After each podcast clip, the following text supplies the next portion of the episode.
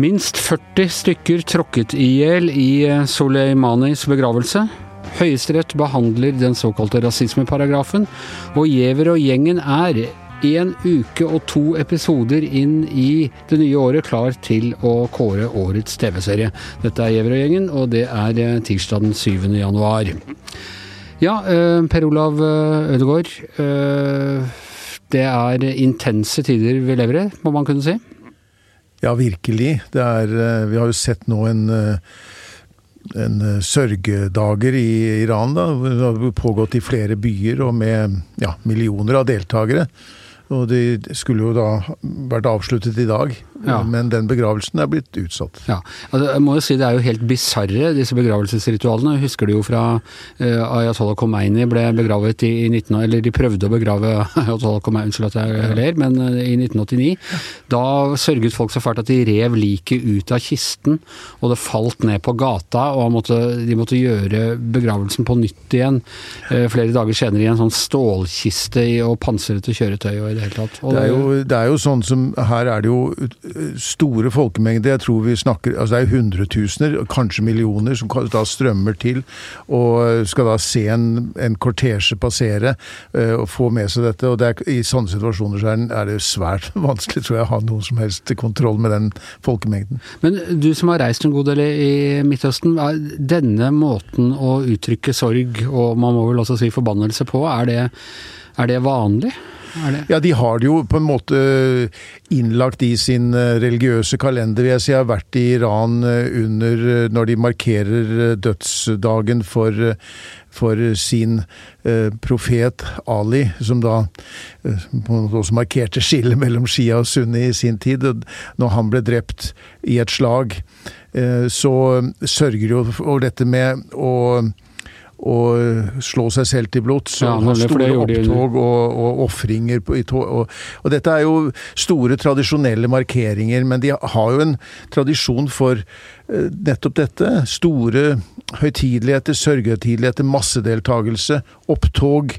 Uh, og øh, det er det vi nå Men det som vi også ser, er jo selvfølgelig at øh, du hadde ikke fått ut de store folkemengdene hvis ikke dette var en person som virkelig betydde noe i det landet han kom fra. Ja, fordi dette er på en måte en, en slags øh, politisk markering også? Absolutt, og jo, vi har jo ikke sett det siden Khomeinis begravelse, at man har hatt seremonier i flere byer. Man har liksom hatt Det er jo tre byer i hvert fall hvor disse, hvor disse ritualene, eller hvor dette har pågått. da. Det har jo, har, har jo ikke vært vanlig på noe annet i noen annen Så det bekrefter jo kanskje det inntrykket av at uh, han var den den uh, nummer to på en måte i regimet, faktisk. Hvor regissert tror du dette er fra myndighetenes side? Jeg tror det er regissert det er akkurat dette med at de vil gjøre dette til en landsomfattende sorg, ja. og, og, ha arrangementer rundt om i flere store byer. At han blir fraktet til den hellige byen Kom, er jo også en del av dette, for uh, å understreke på en måte det religiøse aspektet i det. Uh, og så kommer jo da situasjonen ut av kontroll for myndighetene. Ja. Eh, denne gangen også. Ja, for de ønsker selvfølgelig ikke at dette skal skje. Samtidig det, det, sender et voldsomt signal til resten av verden om raseriet eh, som befinner seg i Iran nå? Det gjør det, og det var jo nettopp dette Trump snakket om før, eh, før dette drapet på generalen. At nå, nå, var det ikke lenger, nå ropte de ikke lenger 'død over Amerika' i, i, under De turte ikke det Nei, for de var så redd for han. Ja, nettopp. Og det, så det er jo et eksempel på at eh, det, det, er, ikke, det, er, ikke, er ikke helt slik det verdensbildet som han man ser for seg. Du ser jo også at de driver og tramper på, på svære bilder av ham de har tegna på fortauene og, og, sånn. Men det er jo ikke Sånn har de jo holdt på med de fleste presidenter, egentlig. Og de, de har ropt død over Amerika på fredagsbønnen i alle år, så det er jo ikke noe nytt i noe av dette her. Men det var jo en Vi var inne i en fase for uh, fire år siden, fem år siden, hvor man faktisk var i dialog med USA, om man ja. klarte å komme fram til en enighet hvor faren for at Iran skulle utvikle noe atom atomvåpen. De har jo selv aldri sagt at de De har kun sagt at det er til fredelig bruk, men det har jo ikke blitt trodd på. Og da var det i hvert fall en positiv Nå, nå er jo risikoen for at de kan skaffe seg atomvåpen betydelig styrket. De sier selv de ikke føler seg bundet eh, av avtalen. De vil eh, gjøre akkurat som de vil.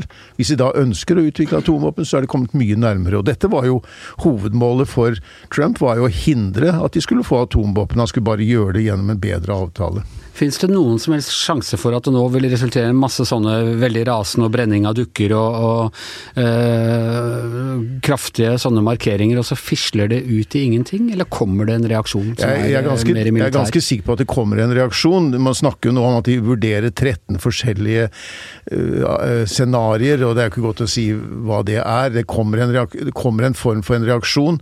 Det, kommer en, det, det, det, er helt umulig å si, og de som prøver å forutse det, tror jeg ikke fordi det er ikke noe mønster i hvordan Iran opptrer i sånne sammenhenger som dette her. Det kan ta tid, eller det kan komme ganske hurtig. Eh, det vi antagelig vil se, er at det, at det ikke er noe tvil om at det er Iran som står bak det. Tidligere så har jo ofte, når vi har sett angrep mot tanker tank skip mm. i Gulfen. Når vi har sett angrep mot saudiarabiske oljeanlegg, så har det vært andre, men allierte, som har gjort det. Eh, nå vil det ikke være noe tvil om at det er Iran som står bak, og det vil være De sier at det skal være en slags proporsjonal uh, respons.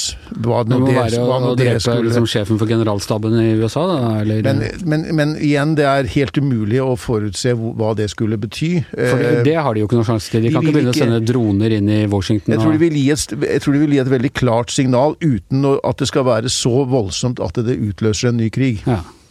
Du, vi må ta to minutter også på uh, vår gamle venn John Bolton. Uh, I sin tid FN-ambassadør under Bush, var det vel. Ytterste høyre sånn hauk av den gamle republikanske skolen. Ja. Uh, tok litt tid før han kom inn i Trump-regjeringen, for Trump likte ikke barten hans. Nei, gjør det fortsatt ikke, det vi har fått høre. ja, nemlig. Vi har gode kilder på det. Men allikevel, han var da nasjonal sikkerhetsrådgiver for Trump en stund. Mm. Uh, ble uenig med Trump, som de fleste blir, og, og sluttet.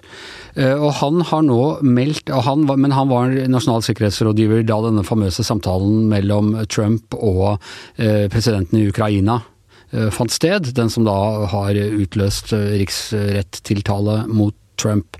Og nå, Det har vært mye snakk om om man skal føre vitner og i det hele tatt i, i riksrettssaken, men nå har han på en måte meldt seg frivillig og sagt at han er villig til å vitne.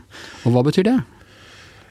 Ja, det betyr at den riksrettssaken i Senatet kan bli eh, an, helt annerledes enn det eh, det republikanske flertall og Mitch McConnell, som da leder eh, Senatet, republikaneren, eh, hadde tenkt seg. Eh, egentlig brukt romjula, tror jeg, til å overbevise Trump også om at man bør ha en kort og rask prosess i Senatet. Bare bli ferdig med saken, frifinne deg ut av verden.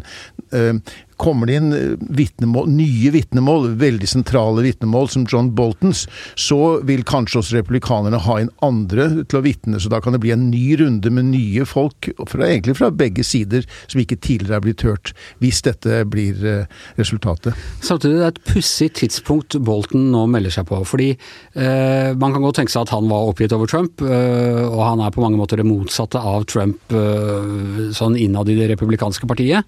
Han står for en sånn gammeldags slags uh, forutsigbar, uh, reaksjonær, uh, ja, konservativ i ordets virkelige forstand. I motsetning til Trump, som er en litt uforutsigbar radikaler. Men akkurat nå er han jo egentlig fornøyd med Trump, for han er jo helt for en sånn linje med å ta ut, som de kaller det, generaler i Iran, og en intervensjonist som gjerne vil bruke den gamle sånn lex americana om at vi er verdenspolitiet. Ja, han var nok heller kritisk til at Trump var for unnvikende, både i forhold til Iran og Nord-Korea. tror jeg, var, Han er jo en, en, var den fremste hauk i Det hvite hus, egentlig. Så, men, Så hvorfor melder han seg nå? For det er åpenbart at det, Trump er ikke noe særlig glad for at han skal føre vitnemål i, i Senatet, hvis, hvis, det kommer til det? Nei. Uh, og det er ikke godt å vite. Han sier at han har tenkt seg om på nytt nå, når dette kommer opp enda en, gang. Han, for, har, vi skal jo legge til at hva som egentlig er hans begrunnelse, er vanskelig å vite, men Det, har, det hvite hus har vært opptatt av å stanse alle disse nære medarbeiderne fra å delta i når uh, det, var høring, når det var høringer i, i, i Representantenes hus. De, de la, la, jo ned egentlig et forbund mot det, uh, og han fulgte det. Nå sier han at han vil, er villig til, hvis han blir da innkalt, og vitne. Ja. Og, men kan det være at og For Demokratene er jo veldig begeistret for dette her og vil ha ham inn, men kan det hende at han uttaler seg på en måte som er gunstig for Trump, eller er det helt utenkelig? Ja, for det, Han er nok en tilhenger av at en president skal ha utstrakt myndighet til å handle. Altså Ja. at, han skal ha ganske, at en president skal ha ganske frie hender til å handle. Det har jo vært eh, diskusjon nå i det siste om demokrater har tatt opp bl.a. at dette, å erklære krig til en annen nasjon, det er egentlig noe som, skal, det er noe som Kongressen skal gjøre. Dette er ikke noe som skal, en president alene kan gjøre, han må søke. Og at, han, at Trump burde ha gått via Kongressen før han foretok en så dramatisk handling som dette. Men det syns ikke Bolten. Jeg tror ikke det. Nei. Jeg tror han er tilhenger av dette, og det, han vil vel også Han er nok en mann som vil være ønsker å være relevant som en eh, politik, eh, politisk figur også i framtiden for republikanske eh, ledere, vil Ja. jeg tro. Han vil være relevant, men, han, men i hvert fall hans nære medarbeider sier at det at han er enig med Trump i denne saken, betyr ikke at han vil si noe annet enn Men han ellers vil vil. han være villig til å falle en republikansk, eh, tross alt populær i egne rekker, eh, president Det er jo annenhånds, ryggen? det er jo annenhånds vitnemål om at han reagerte ganske Ja, rasende det det. på det som skjedde i forbindelse med, eh, med samtalene med Ukraina. Han er ikke for sånn frijazz i utenrikspolitikken. Så vi, det er spennende å se, og det er ikke helt sikkert hva som var begrunnelsen hans Her selv. skal det spilles etter partitur. Ja, eh, vi skal eh, hjem igjen. Eh, I Høyesterett i dag og i morgen så behandler man saken mot denne 71 år gamle kvinnen som på Facebook-siden Vi som støtter Sylvi Listhaug kalte samfunnsdebattant, poet og delvis journalist, vel, Sumaya Jirde Ali for fandens svarte avkom og din korrupte kakerlakk, og ba henne reise tilbake til eh, Somalia. Hun er dømt eh, tidligere i eh, i, i tingretten og lagmannsretten etter denne paragraf 185, såkalte rasistparagrafen. Og nå går saken opp for, for Høyesterett. Og uten å ta stilling til om man virkelig trenger en sånn eh, paragraf eller ikke, Hans Petter Sjøli, hva, hva syns vi om et sånt uh, utsagn? Du, du leser litt av hvert i kommentarfeltene. Er dette eh, innen den sjangeren helt vanlig, eller løfter den Nei, seg ikke- videre? Det er ikke helt vanlig. Det er to saker for øvrig som er oppe til Høyesterett nå. Det er så en kar nede i Telemark som er dømt for å, ha skrevet på Facebook noe sånt som at ja, det er best at vi fjerner disse avskyelige rottene fra jordens overflate og sånn. ikke sant? Så det, det er klart, det, det, sånne ting forekommer på sosiale medier. Vi, vi ser det jo av og til.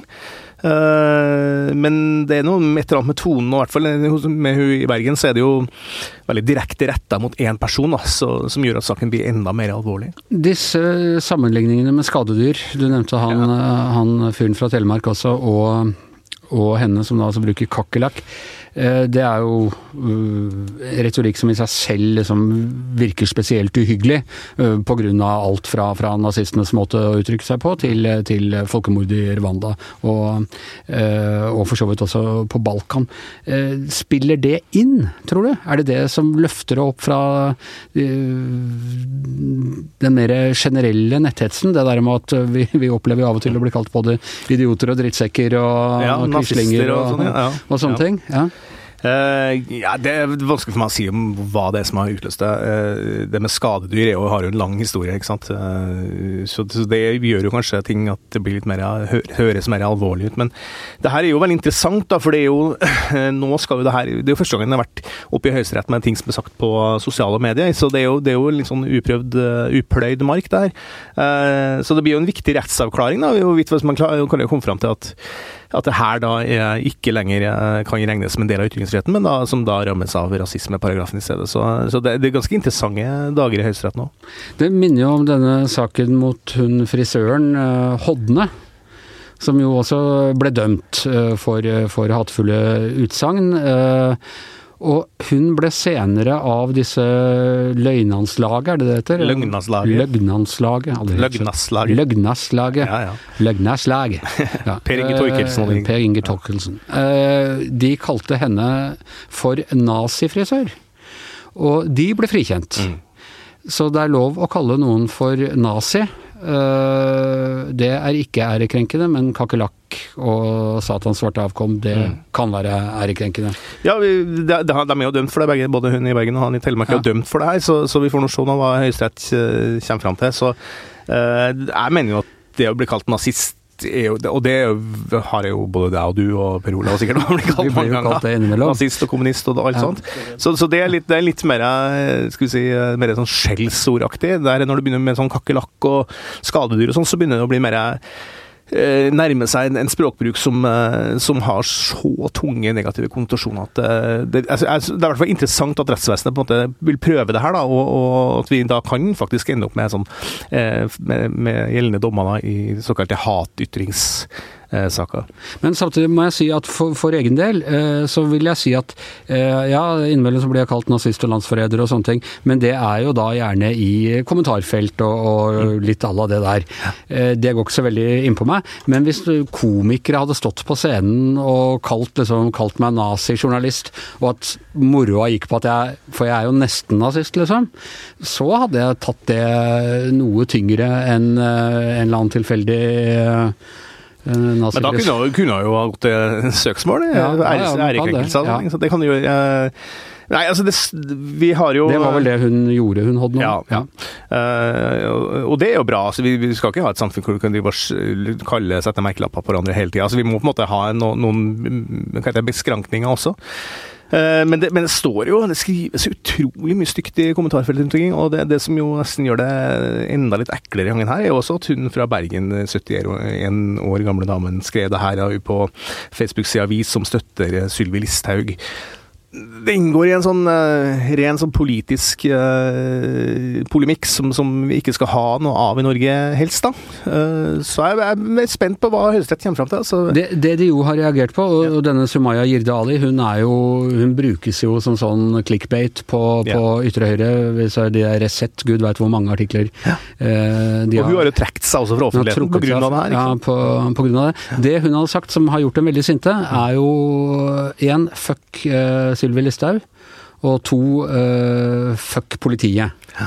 Eh, og da ser jeg at de, man, de som er sinte på henne, begrunner da det med at når man, uh, når man liksom går til angrep på med den respektløsheten på samfunnets autoriteter som statsråder, og, så må man tåle litt tilbake. Jeg er ikke så sikker på at de folka er dem som uh, for f.eks. aldri sier 'fuck Jens Stoltenberg' eller 'fuck Støre' eller noe sånt. Altså, det, jeg tror at vi må jo Altså, det, Jeg mener det er ikke sammenlignbart engang.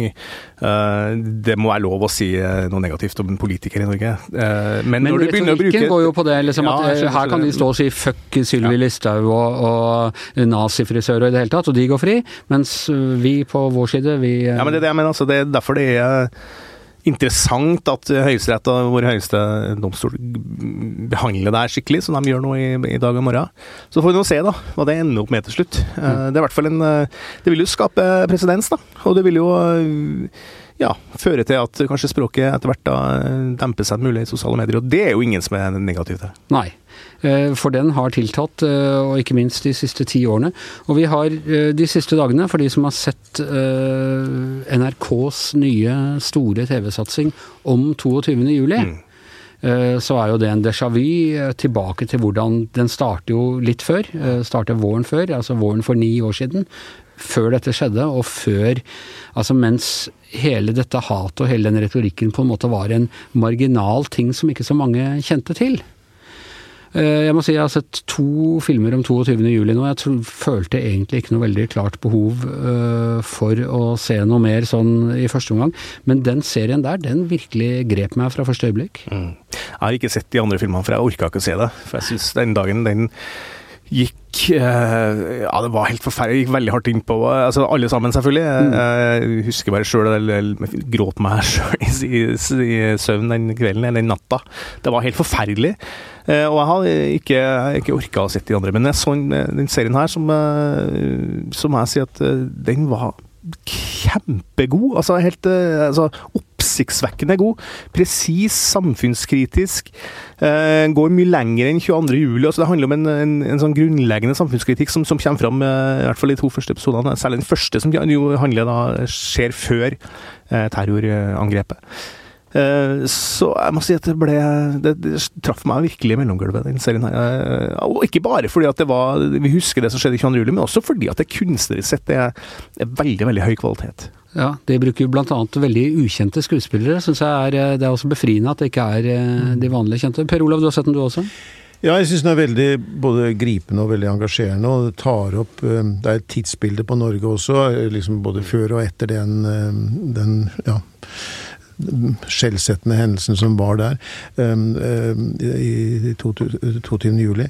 Men jeg tenker også Et av de tingene som gjorde inntrykk på meg mens vi snakker om dette, var også de um, som uh, er da innvandrere her, ikke sant? Altså, eller, eller annen generasjon kanskje innvandrere eh, som er Han som vasker på sykehuset? Ja, nettopp. Og, og, og den Både den situasjonen han er i før det skjer, men også når det skjer. Og, og, hvilken, og den mistenksomhet som da rettes mot han og andre i hans situasjon. Men her tar de seg jo også kunstneriske friheter, fordi det, er, det har jo vært snakk om det, hvor, hvor, mange sånne tilfeller var det egentlig av folk som ble angrepet eller sjikanert uh, i, i timene etter at det skjedde. De har laget en sånn litt fiktiv karakter av uh, han Fjordmann Peder Jensen, som jo var eh, den store Inspiratoren. inspiratoren for, eh, sånn rent ideologisk for, for terroristen. Og, de, og, han har de jo dikta om til Han er en annen person, men det er helt opplagt bygget på han. Og, det er vel noen etiske utfordringer på å holde på på den måten der også? Ja da, men samtidig så det, det, er klart det. Men samtidig så er det jo Det at de problematiserer den bloggsfæren, er også et veldig sentralt poeng da, i diskusjonen rundt om rundt rundt det som skjedde 22.07. Så jeg, jeg syns skildringa av han eh, hva er det, Breidablikk, Breidablikk ja, er ganske god. Altså, det, det, er ikke noe ekstra, det, er ikke noe sånn monster vi ser, det er en, en, helt vanlig fyr. Retorisk er han vel kanskje heller spilt litt ned? ja, egentlig. Til, egentlig. Ja. Også det at han har en kompis som han omgås og diskuterer tingene med. Og, si, det gjorde veldig inntrykk på meg i en serie når vi, kan, vi, skal ikke spoile for mye her, men når, når da terroren skjer, så sier da vedkommende at han betrakter det som en seier. da, fordi han tror det er eh, Al Qaida eller muslimer, islamister, som står bak. Men jeg tenker at Selv om dette da ikke er bygget på eh, faktiske personer, så er det i hvert fall bygget på mange av disse menneskene som kom, som ble direkte berørt, eller indirekte berørt også av det. Altså yrkesgrupper mm. og andre mennesker. Og det bygger jo åpenbart på velkjente historier, samtidig som de har, har beholdt den Og vi skal jo ha det med oss, at dette er ikke e, de og de personene, men det er basert på mange berettelser og mange historier. Og det syns jeg det, det, det, helt suverene grepet her, at, at de henter inn det, det, altså, det, er ikke selve terrorangrepet som er under som, som er på en måte seriens uh, fokus. da. Fokuset er liksom hele samfunnet rundt. Hvordan de ulike uh, gruppene som er involvert, da, reagerer på det. Og jeg må si at Skildringene også fra Ullevål sykehus og Rikshospitalet er veldig gripende, også fordi at det handler om en mer dypere samfunnskritikk om det som da kalles for New Public management og den slags. Så, så altså, det, er, det, er, ganske Ja, det, det, det, er smart gjort, både regimessig og manusmessig. Ja. Det blir veldig spennende å følge. Det er hvor mange Fem episoder? episoder. Fem episoder. Mm. De har lagt ut de to første nå, og så, så kommer de vel med eh, en ukes eh, mellomrom. Eh, er, det, er, det, 2020s beste TV-serie? ja, vi, vi, er, som jeg pleide å si, vi, vi er ikke i sandsigerbransjen her. vi får se. Men ja. den, er, den er uhyre sterk, og vi må oppfordre alle til å se den. Altså. Vi får huske på å ta dette på oppsummeringen, ja. om de orda står seg. Men da er Giæver og gjengen over for denne gangen. I studio i dag Per Olav Øde Ødegaard, Hans Petter Sjøli, Anders Giæver. Eh, og vikar for vår showrunner eh, Magne Antonsen er i dag Kristine Masdal Odne. Vi høres igjen i morgen.